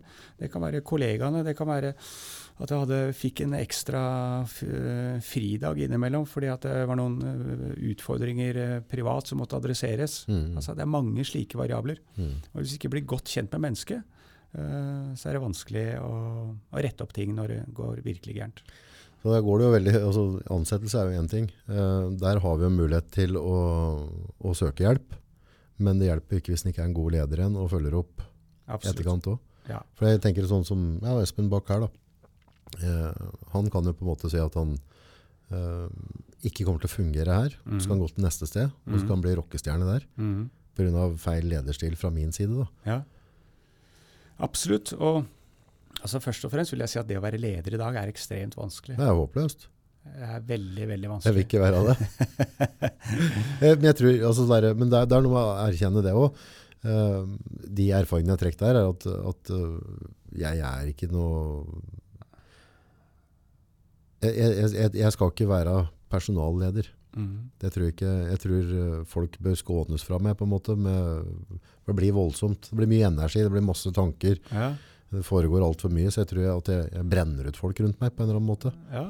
Så at jeg må skyddes litt unna visse ting. da. Ja, ja og, da har du kommet veldig langt, hvis du erkjenner det. Ja, um, og, men altså, ledelse, hva handler ledelse om? Altså, det ligger i ordet. Altså, det handler om å le, det handler om å dele, det handler om å se. ja. Så enkelt. Ja, le, del, se. ja. uh, ikke sant? Ja. Eh, så jo, får du medarbeiderne og, og, fra individet til gruppe til team til, å, til å le og ha det gøy og trives på jobb, Mm. uh, så gjør man mye riktig. Deler man av tid, oppmerksomhet først og fremst, synlighet Uh, altså, altså, Delt glede er dobbelt glede. Delt sorg er halv sorg. Mm. Det handler om å være tett på. Men tøffe er jo der, sånn som i små selskaper. da. Ja. Så la oss si at, eh, at du jobber eh, sammen med meg, og så, og så har du masse issues. Så bruker jeg mye energi på deg i negativ retning. eller altså Det kommer mye negative tilfeldigheter rundt deg. da. Ja, ja. Eh, eksempel at uh, du, du genererer ikke penger til lønna di, du gjør feil, gjør at vi taper penger, eh, du, du er sjuk, du er lei. Altså det er mye som skjer. ja. Så på en eller annen måte så tar du energien min ja. uh, og kupper den på en måte, Mm. og så glemmer Espen, som er clean fucking gæren om morgenen, som kommer bare, Øy, nå skal vi kjøre, ikke sant? Hva, hva skal vi, hvilket fjelltopp skal vi på nå? Ikke sant? Ja. Vi skal videre, vi skal fram, vi skal dominere. ja. Så på en eller annen måte så, så glemmer du han, for at du spiser hele forbanna meg, og så går jeg tom, og så har jeg issues med at jeg skal betale regninger, jeg skal betale lønn, og så sitter du der og buhu og, og har ikke mulighet til å generere, ja. og så sitter han egentlig og genererer, og så dreper jeg han egentlig, for han blir ikke sett. Absolutt. Han, han, blir, ikke, han blir ikke tatt vare på, for at du spiser meg opp. Mm. Og eh, det er jo det som er utfordringen i mindre selskaper. Eh, For det blir så synlig og transparent i, kontra da i de større selskapene, selv om utfordringen er akkurat den samme. Mm. Altså, det berører eh, miljøet i mindre selskaper i mye større grad, Mm. og, og, og tar tiden din da, i dette tilfellet. Ja, og ikke minst holdningene dine som vil smitte over på han. Ved et eller annet tidspunkt så begynner han å irritere seg, liksom. er det jeg som skal gjøre alt der, liksom? Hva det? Absolutt. Eh, det, og der går vi tilbake på onboard- onboardingen. Altså, for at hvis du gjør Altså, resultater kommer av å gjøre de riktige tingene riktig. Mm. Enkelt og greit. Og så har du kunnskapen og har motivasjonen, så bør resultatene komme. Mm. Men- og ofte så lar vi, vi lar det gå for lang tid før vi adresserer ting. Mm. Vi tror nesten at gi dem litt mer tid. De er nye. Det går seg til. Det går seg til. Eller vi er eh? Men da vil jeg strekke det tilbake. Altså, hvis det hadde blitt enda, enda tidligere altså Man knytter opp imot hva som er utfordringene. Hvor, hvor transparente har vi vært allerede fra da vi gikk ut i markedet og vi satt med potensielle i intervjurunder eller samtalerunder med å avdekke dette her. Med å fortelle hva den faktiske hverdagen er, og hva som ligger i forventningsbildet. Og Det er vi ikke flinke nok. Så jeg tror mange av disse utfordringene kunne ha vært eh, langt færre hadde vi vært mye flinkere i, i andre enden når Mm. vi går ut og en, både tegner bildet av hvem vi er på jakt etter, og to, når vi gjennomfører ansettelsesprosessen pre-signatur. Men blir det for tøft da, hvis jeg sier at, uh, sier at jeg søker etter folk, og så sier jeg at, uh, at jeg setter beinharde krav? Altså her, er, det er ikke noe kjære mor. Uh, kommer det her, så har jeg skyhøye forventninger til deg. Uh, de timene du er på jobb, så skal du produsere i positiv retning til selskapet. Du skal være en bidragsyter. Uh, når, uh, når dassrullen er tom, så legger du den i søppelkassa. Du legger den ikke opp på vasken. Du legger den i kassa som er satt der. Hvis ikke, så er du ikke med. går det an å være så tøff i en ansettelsesfase? Bare si at sånn, sånn, sånn er det. Sånn kommer det til å være her. Vi kommer ikke til å forandre oss. Mhm. Dette her er kun et sted for dem som ønsker opp og fram, å gjøre et eller annet ut av seg. Det er det samme som jeg sier til Espen. Eh, bruk den tida her om du ønsker å begynne for deg sjøl senere. Det er helt i orden for meg. Men den tida vi har sammen, så skal vi gønne på sammen. Og så må du sørge for at du får nok erfaring til at du kan gjøre hva du vil etterpå. Mm. Men da er du avhengig av at du er på hesten. Det går ikke an å se på klokka, nå er klokka to minutter på fire, så jeg må reise nå. Det er ikke sånn vi vinner. Nei. Jeg mener, jeg mener, altså jeg mener absolutt at du kan si det. Altså Kanskje litt, litt mer musikalsk, Ja, ja. eh, og, og, og, og litt mer med glimt i øyet i, i blikket. Eh, men absolutt, det er den tydeligheten. For da vet han eller hun i andre enden hva de har å forholde seg til. Sånn er det. Ja. Og det er bedre da å da vet jeg hvor skapet står. Er dette meg? Ja eller nei? Det er enklere Mm. å få svar på. Men nummer to er jo da fra å, å si det til å totalt etter ansettelse da involvere seg og bare forvente at det kommer naturlig. At jeg føler og kjenner det gjennom si, i årene, sånn som jeg antar at du kjenner det hver eneste dag. Mm. Det er naivt. Mm. Vi må fortsatt være synlige og til stede. Så det er kanskje lettere å følge det opp da, hvis en er veldig, veldig klar på det ved ansettelse. Sånn og sånn forventer jeg. Vi kommer til å, å sette oss ned. Til å begynne med så har vi en samtale hver 14. dag. Men det er jo det Eh, onboardingen handler om. Ja. Altså være, være, være tett på og tydelig. Altså, om jeg hadde fulgt deg en arbeidsdag, og du slipper til meg, Mm. så ser jeg jo hvordan du agerer. Jeg ser hvordan du prater, jeg ser hvordan du håndterer ting, jeg ser hvordan du betjener telefonene, er på mail, kommuniserer, gjennomfører de oppgavene, sjonglerer det. Samtidig kommer tilbake på kontoret, da bytter den dassrullen, løper ned på butikken for å kjøpe brød og lunsj, tiner det, etc. Da ser jeg og får respekt da, for min leder Mm. gjennom å være så til, eh, til stede og, og, og synlig. Men nummer to, når du setter det i et system i, i onboarding-fasen en ting er liksom, og, Der har dere muligheten til å skape deres egen identitet rundt det. Altså Veldig mange selskaper der ute i dag som er ekstremt flinke på det, og bruker gamification som en del av uh, onboardingsprosesser. De har lek og lær. uh, introduksjon av uh, diverse spill uh, knytta til de eksisterende ansatte for å lære folk å kjenne. Lære strategier eh, bedre å kjenne. De får tilgang til, eh, til markedsmateriell før de allerede har mønstret i stillingen. Som at gjør at de kan sette seg inn i arbeidet eh, hvis de er interessert og, eh, og har tid før de skal begynne i tillegg. Så det er mange ting en kan gjøre som dessverre folk ikke har tid til å gjøre, eller ikke vet fins av ressurser eller muligheter. Men til syvende og sist skal man være tett på, så må man jo starte med å være på samme plattform og på Mm. samme arena. Men er, altså, vi vet jo at det er eh, enorme mengder med flinke folk der ute, Ja. som ønsker å, å få muligheter kasta på seg, og masse, altså, som bare, istedenfor å bli- nedtynga av det. Jeg tenker Det er bare superkult at jeg fikk det ansvaret. eller et eller annet. Men uh, hvis jeg da på en måte hadde hyra deg inn nå og si at uh, jeg skal ha en mann, dame, gutt, jente som er krystallklar på at de skal bli et eller annet innen det markedet der. Om de skal være med om fem år og ti år, det, det er en annen sak. Men i den fasen der skal de i hvert fall melke de mulighetene som kommer på bordet her, for å sørge for at de får en CV som er råere enn råest. Mhm. Er de menneskene der ute, klarer de å få dem fra dag én? Tror du det? Jeg tror absolutt at det er mulig. Ja. Altså, vi må jo tro på at det er mulig. Ja. Uh, og altså Det handler jo om først og fremst å bruke innsikten til eh, de vi jobber med. Men altså I ditt tilfelle så har jo du en god geografisk kjennskap til de ulike aktørene som er her. Og nå er det sånn at Alle snakker om å ha tak i den beste. Da er liksom, Hva er definisjonen på den beste? Og hvordan skal vi måle det fra dag én, hvis man hadde begynt i CG Nordmedia, og, og, og hvor langt frem i tid? Altså Hvis noen har kommet inn til deg, jobbet hos deg i to år og levert toppresultater og forsvinner, så bør man jo takke de av med en kake og si takk for tro og tjeneste, lykke til hos nestemann, Mm. fremfor å da begynne å bjeffe på at de forsvant. Mm, mm. Det er en grunn til at de forsvant, men de gjorde fantastiske resultater underveis her. Når du skal begynne på det arbeidet du snakker om der, så, så er det å definere målgruppeanalyse. Men så er det en del variabler som er kanskje vanskelig men som er nødt til å tas hensyn til. Mm. Og det er ofte det vi ser som begrenser veldig mange, er reisevei. Mm, mm. Og Folk har jo ikke lyst til å sitte i bil og pendle en time fram og tilbake til jobb. Du når en viss alder, så har du noen forpliktelser. Barnehager de, de er oppe fra halv åtte, og det er barna som må hentes inn halv fem. Og da får du den utfordringa at ting må forsvinne. På andre siden så må jobben gjøres on site. Mm. Kan du mønstre ute hos kunder? Mm. Hvordan skal vi lete? Hvilke kanalvalg velger vi å kjøre på? Velger vi å kjøre på gammel oppskrift? Det funka sist gang, derfor gjør vi det på nytt. Stillingsannonsen her funka sist gang. Og så drar vi fram det fra skuffen. Den har ikke blitt noe bedre, den har bare gulna.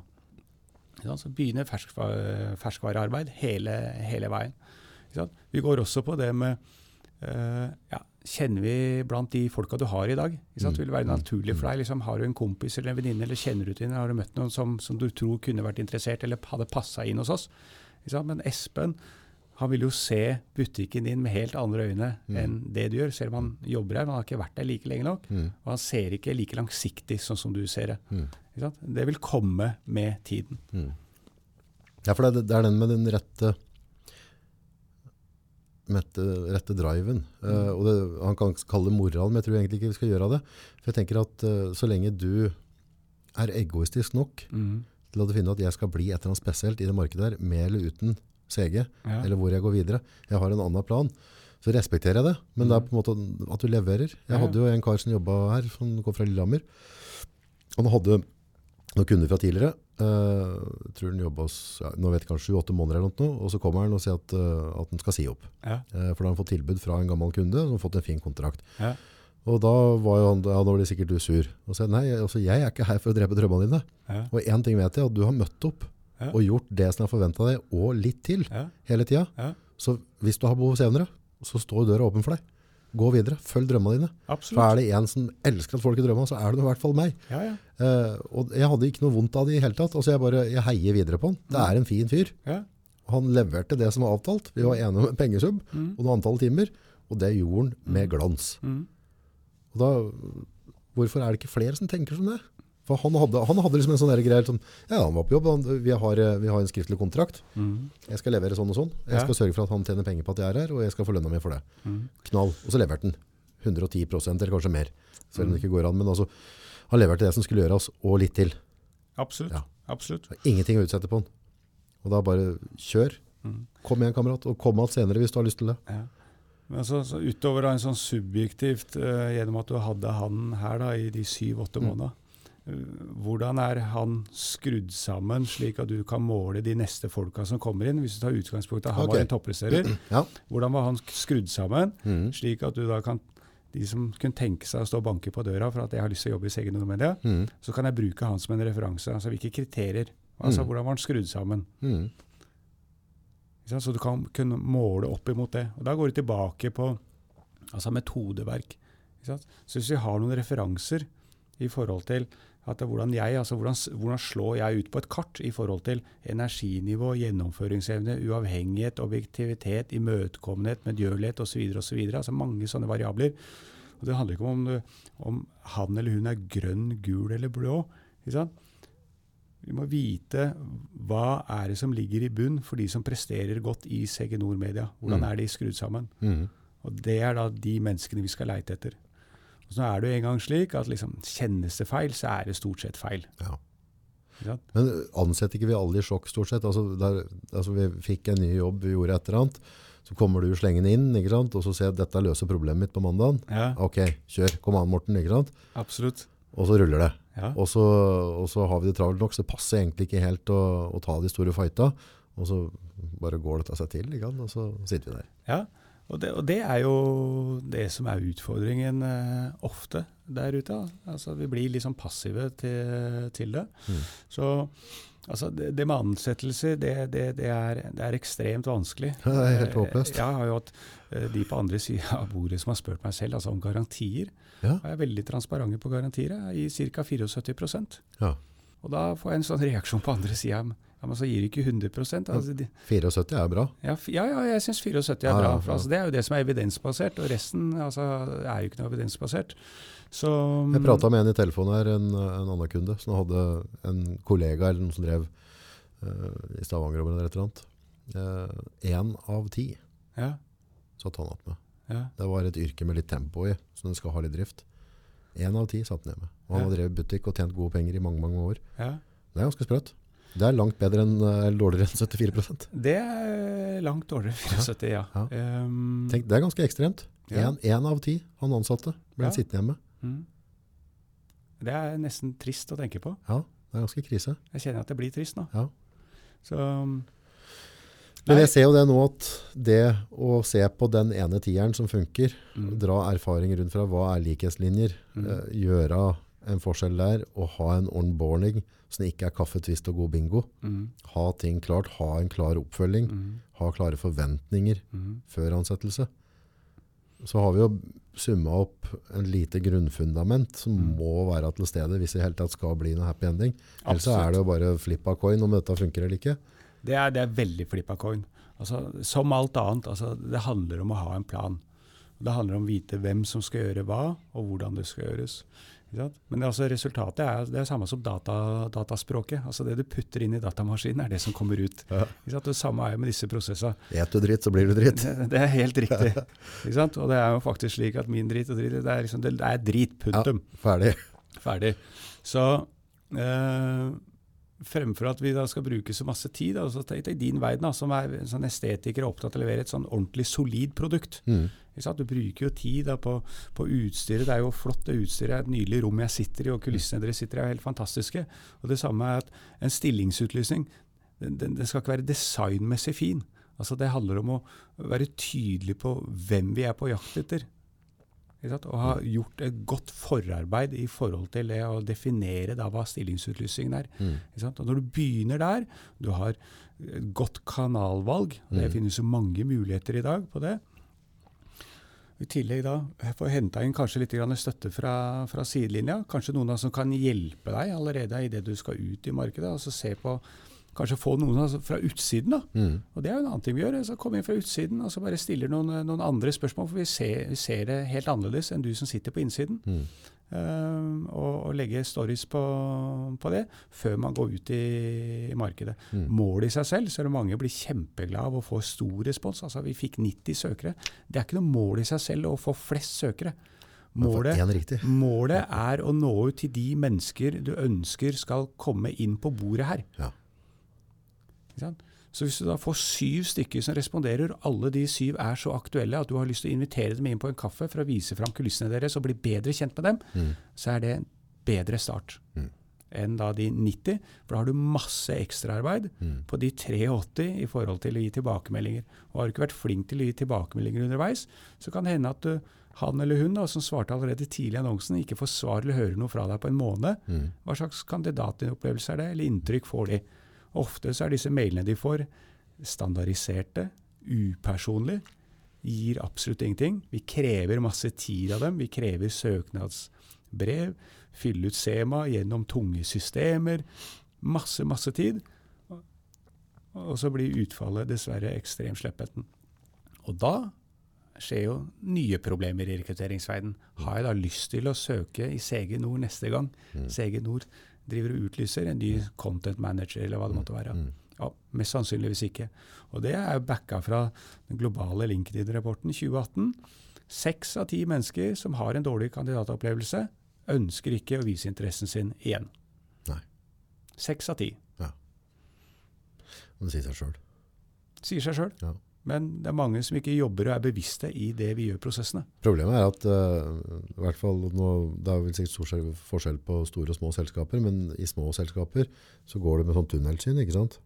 Uh, og du bare håndterer de tingene som dukker opp foran deg hele tiden. Altså du har på en måte en, en plan gjennom dagen, og så når du da introduserer en ansettelsesprosess, eh, så finner du egentlig ikke helt tida til det. Eller, altså, altså, du tar for lett på det da, på en eller annen måte.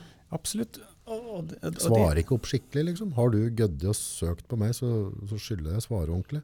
Og der har jeg synda sjøl, for det er, det er mange som har søkt hos oss, selv om det ikke har vært åpen stilling. Mm.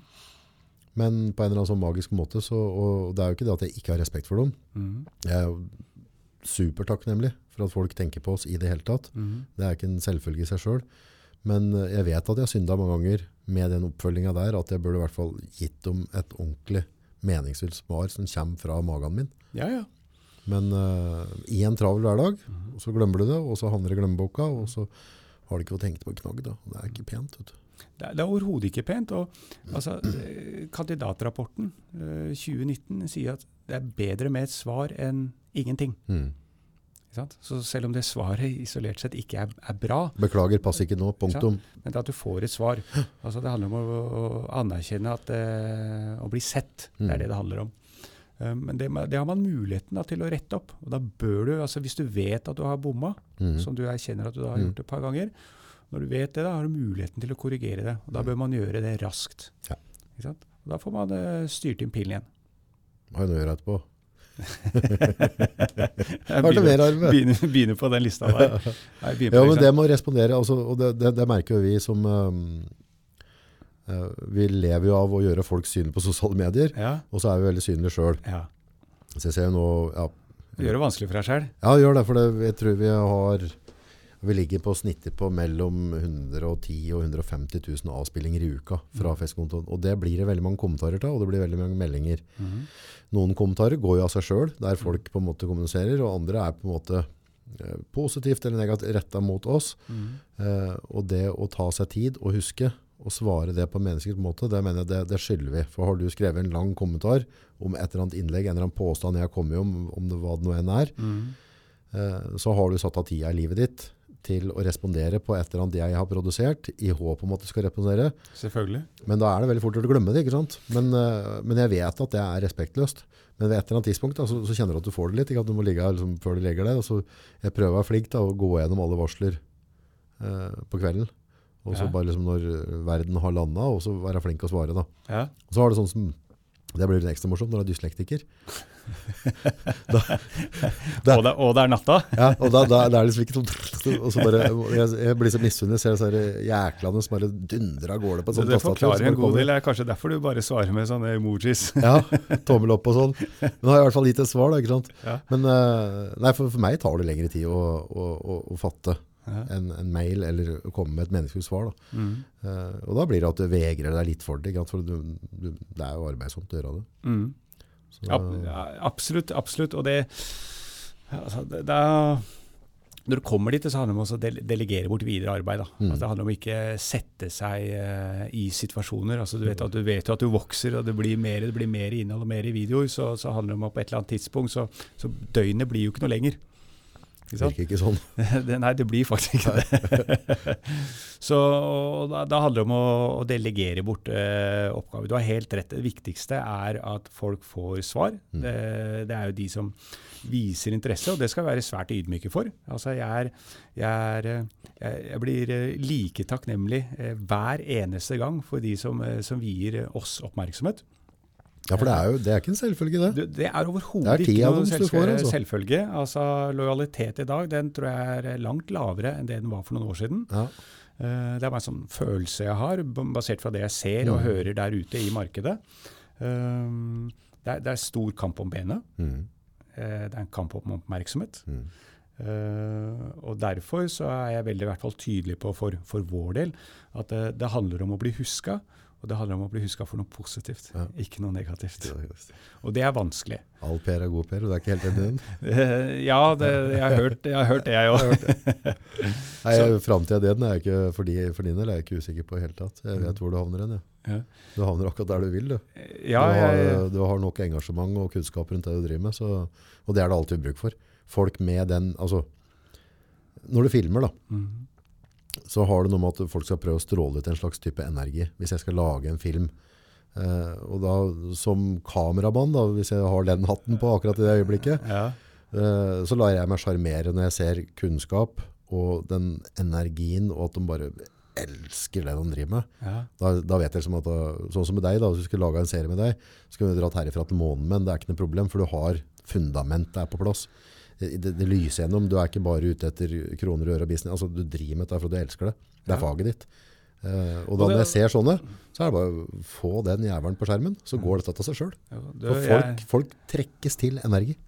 Du, det er veldig rørende, og tusen takk, eh, August. Eh, samtidig så må jeg si at uh, i andre enden da, så er jo de som betviler det, Eh, og og det, det, det, sånn vil det alltid være. Jo, jo, jo. Eh, Folk som ser ting med ulike briller.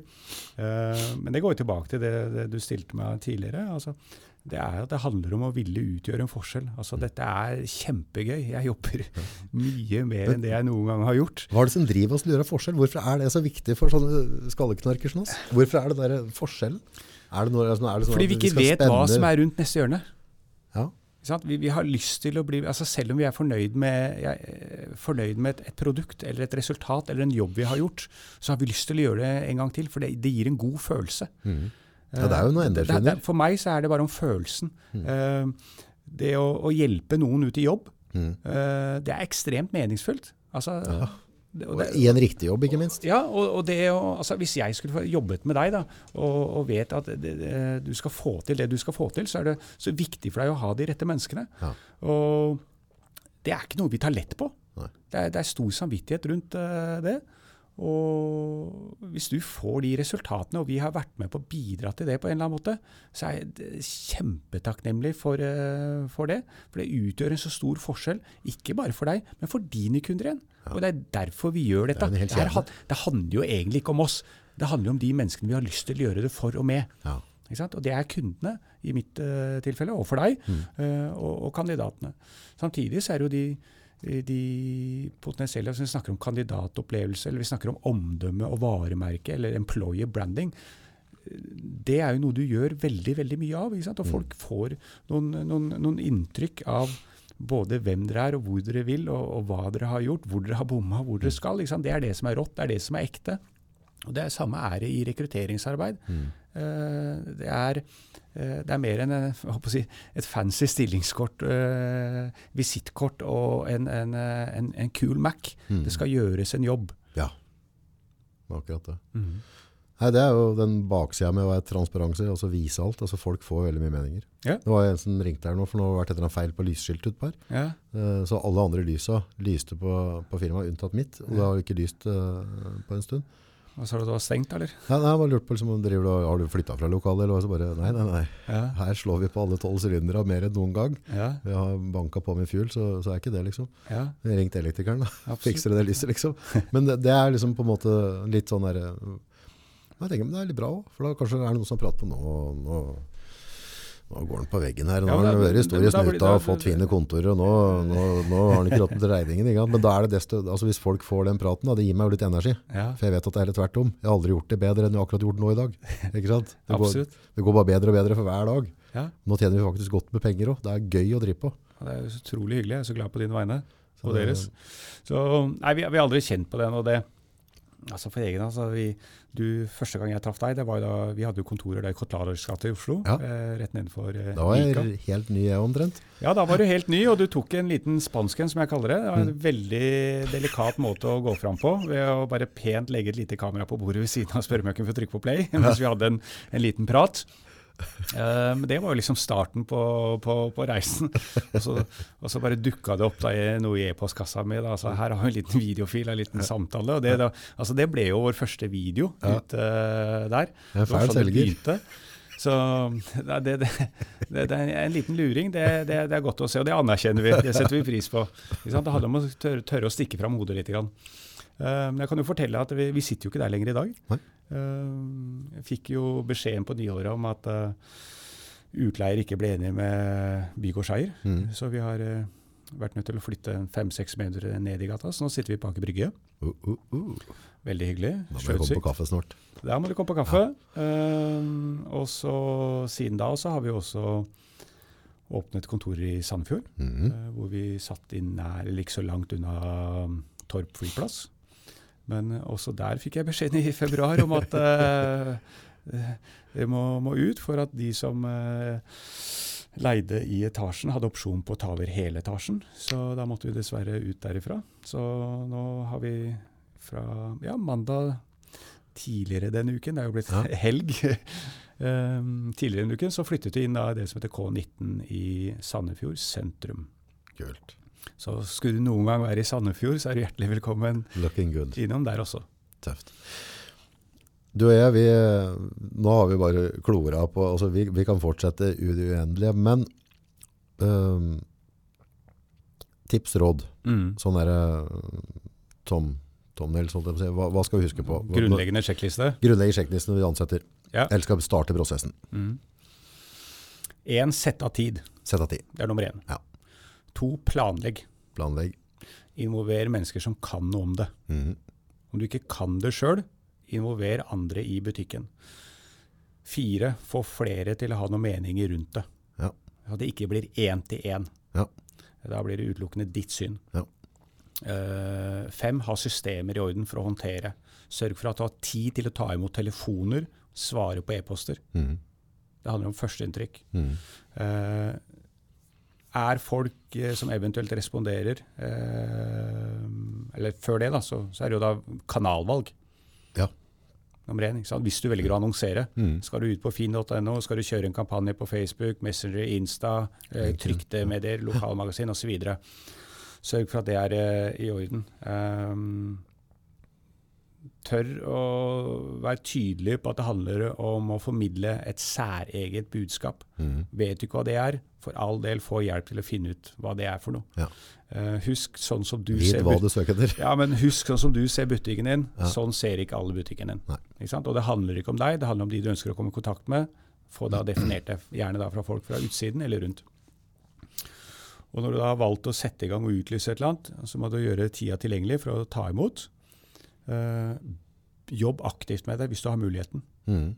Aktivt med å leite. Eh, attraktive mennesker og interessante mennesker, de er på jakt flere steder. Så da legger alle eh, egga i en kurv, det er dårlig butikk. Ja. Uh, hvis du kommer dit, så er du kommet veldig langt på vei i Mhm. forhold til da, å attrahere og tiltrekke og definere. Eh, når du velger å signere en, eh, en juridisk avtale, så er det mer enn en juridisk avtale. Det handler om å knytte bånd. Mm. Det handler om tillit. Det handler om troverdighet. Jeg tror på deg, du tror på meg. Jeg vil ditt beste, du vil mitt beste. Mm. Begge Med- veier. Begge veier. Ja. Eh, det er ikke bare sånn at fordi du gir meg lønn, eh, og jeg skal gjøre det jeg har sagt at jeg skal gjøre, Mm. det er liksom det er som jeg sier- at bussjåføren kjører fra A til B. Mm. Det er det lille ekstra. Mm. Det er grunnen til at hvorfor du velger å tipse når du har vært på en restaurant, er ikke for at eh, servitøren valgte å levere tallerken på bordet ditt, det er jobben deres. Mm. Og det handler om onboarding. Om Der bolig. synder Ja. ekstremt mye. Så hvis du ikke vet hva det er, finn ut hva det er. Eh, få hjelp til å sette noe i system. Mhm. Vi det oppmerksomhet. Engasjer, involver, engasjer, involver. Avstem. Så hvis du ikke har hatt den gode praten med Espen, han har vært der en liten stund nå, og så går vi tilbake på det du har sagt, spurt Espen, i forhold til det jeg formidla tidligere, det du har sagt ja til, har vi Mm. gått gjennom det, jeg får tid til å gjøre det. Mm. Ta en temperaturmåling, ta en klimarapport, mm. og så begynner man videre. Kult. Mm. Du er jo òg på sosiale medier. Det er jeg. Ja. Der eh, poster vi eh, litt matnyttig informasjon innimellom. Du, der har det vært alltid fra ja, altså, Vi har jo tre kanaler. altså Mm. Insta, Facebook og LinkedIn. Ja. Jeg bruker eh, LinkedIn mye. Vi har altså en i, i, I mitt hode og vårt hode så har vi ulike profiler på Mm. alle tre. Mm. eh, basert på hva kanalene er, slik vi ser dem. Eh, LinkedIn er i utgangspunktet en sånn kompetanseprofil. Det Mm. går mye artikler. Vi har alltid fra ja, viktigste intervjufellen. Det er mange intervjufeller. men Mm. Vi har skrevet en liten artikkel om det vi anser som kanskje den viktigste, eller de to viktigste. Uh, vi har uh, hvorfor det er viktig å evaluere, en artikkel om uh, det. Mm. Når ting funker, så gir vi liten oppmerksomhet til å ta, sette passernåla ned og få en liten statusrapport. Så det å evaluere er viktig. Eh, vi har eh, artikler uh, knytta til onboarding. Vi Mm. har videoer eh, Ja. som ligger ute på, på YouTube. Egen YouTube-kanal. Men Poenget er jo at dem som velger å følge deg og dere på sosiale medier, de får jo en utbytte av det. Det er, absolutt. det er jo sånn jeg sier halleluja til. Jeg håper i hvert fall det. Ja, for det, jo, jeg følger jo med. Men poenget er at du kommer med et eller annet som jeg kan benytte meg av. Altså du kommer med type informasjon. Og det er det det handler om. Ja. Så dem som ønsker da å vite mer rundt det med rekruttering, ja ansettelser, absolutt. hva heter de forskjellige kanaler? Først og fremst YouTube. Vi ser rekruttering. Vi ser rekruttering. Vi ser rekruttering. Vi ser med sett. Ja. Eh, først og fremst der. Og så er det Facebook-siden. Ja. Vi ser AS. Ja. Der finner du veldig, veldig mye. Um, til og med oppskriften. Ti punkter du bør tenke på når du skal ansette neste selger. Ferdig. Det anbefaler jeg folk å gå inn og ta en kikk. For det, det kan være noen sånne øyeåpner der. Så, så det er kult. Vi pleier alltid å avrunde med mm, alle mennesker som er inne her. Mm. Det er jo folk som har gjort et eller annet øh, ekstraordinært. Som følger noen drømmer, gjør noe, Ja. oppnår noe. Hvis du har tips til noen som, som sitter og har lyst til å starte et firma sjøl eller gjøre et eller annet sjøl, altså, er det noe du har lyst til å sende med dem på veien, som de skal huske på? Positivt eller negativt? Det, altså bare, altså, er det noe, hva bør Ola Nordmann tenke på? Hvis han skal gå i fotsporene dine. Um, det er veldig mange som har starta butikk før deg, som du som, kan, Sånn som jeg selv så det. Og så kan heller han eller hun som lytter på dette her, eh, tolke det jeg sier. Er Veldig mye smarte mennesker som har starta butikk eh, før meg, som har eh, gått på trynet, for å si det rett ut, men som har reist seg igjen og prøvd på nytt. Um, og det er for at de vet i seg selv hvorfor de har lyst til å gjøre det. Det å feile og bomme, det er det mange som har gjort før deg. Og det har ikke noe med næringslivet å gjøre, det ser vi i idrettsverden. De flinkeste folka som trener hver eneste dag, de bommer. Leicester for noen år siden så vant seriegull. Neste år så holder de på, på å rykke ned. Petter Northug har jo vunnet masse medaljer, enn på 112.-plass. Så altså det, det, alle kan ha en dårlig dag eller dårlig lengre periode. Men til syvende og sist det handler om å følge en eller annen drøm. Og du må gjøre det for din egen del, ikke for de rundt deg. Mm. Uh, og så må du være tålmodig. Det er beinhard jobbing, men det ser du ikke på som jobb hvis du gjør det for dine grunner, og du gjør det fordi du har lyst til å gjøre det med de menneskene du ønsker å nå til. Enkelt og greit. Og så nummer to, og så stopper vi der. Snakk med mennesker. Be om råd, be om tips. Vær ydmyk. Eh, bruk øra. Eh, kom deg ut på arenaer. Det ligger masse informasjon på nettet. Det er én ting. Men relasjoner og business gjøres gjennom mennesker. Da må du prate med mennesker. Du må være på arena hvor det er mennesker. Tør å rekke fram labben. Si hei, jeg heter. Begynn å prate. Folk elsker å dele og, og, og hjelpe. Folk eh, har fått så ufattelig mange heiarop på veien utelukkende pga. det, for at folk veit hvor vanskelig det er. Og derfor så deler de. Så det blir en sånn kjempegod støtte å vite å ha. Tøft. Enkelt og greit. Hvis noen trenger hjelp med ansettelser, Mhm. så anbefaler jeg deg på det varmeste. Gå og følg, følg Morten på sosiale medier. Det, der er det i hvert fall mye nævanyttig Mhm. som vi alle trenger.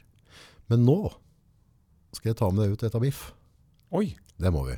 Du kommer ikke til Brumunddal uten å få et biffmåltid. Nei, det er helt riktig. Det var, nå har du skrytt av den biffen i to år. Ja, og, og, så, og så Du kjører tog i dag, så du kan få en øl da, hvis du vil. Du, I dag toger vi. Ja, toger. Det, er, eh, var godt planlagt.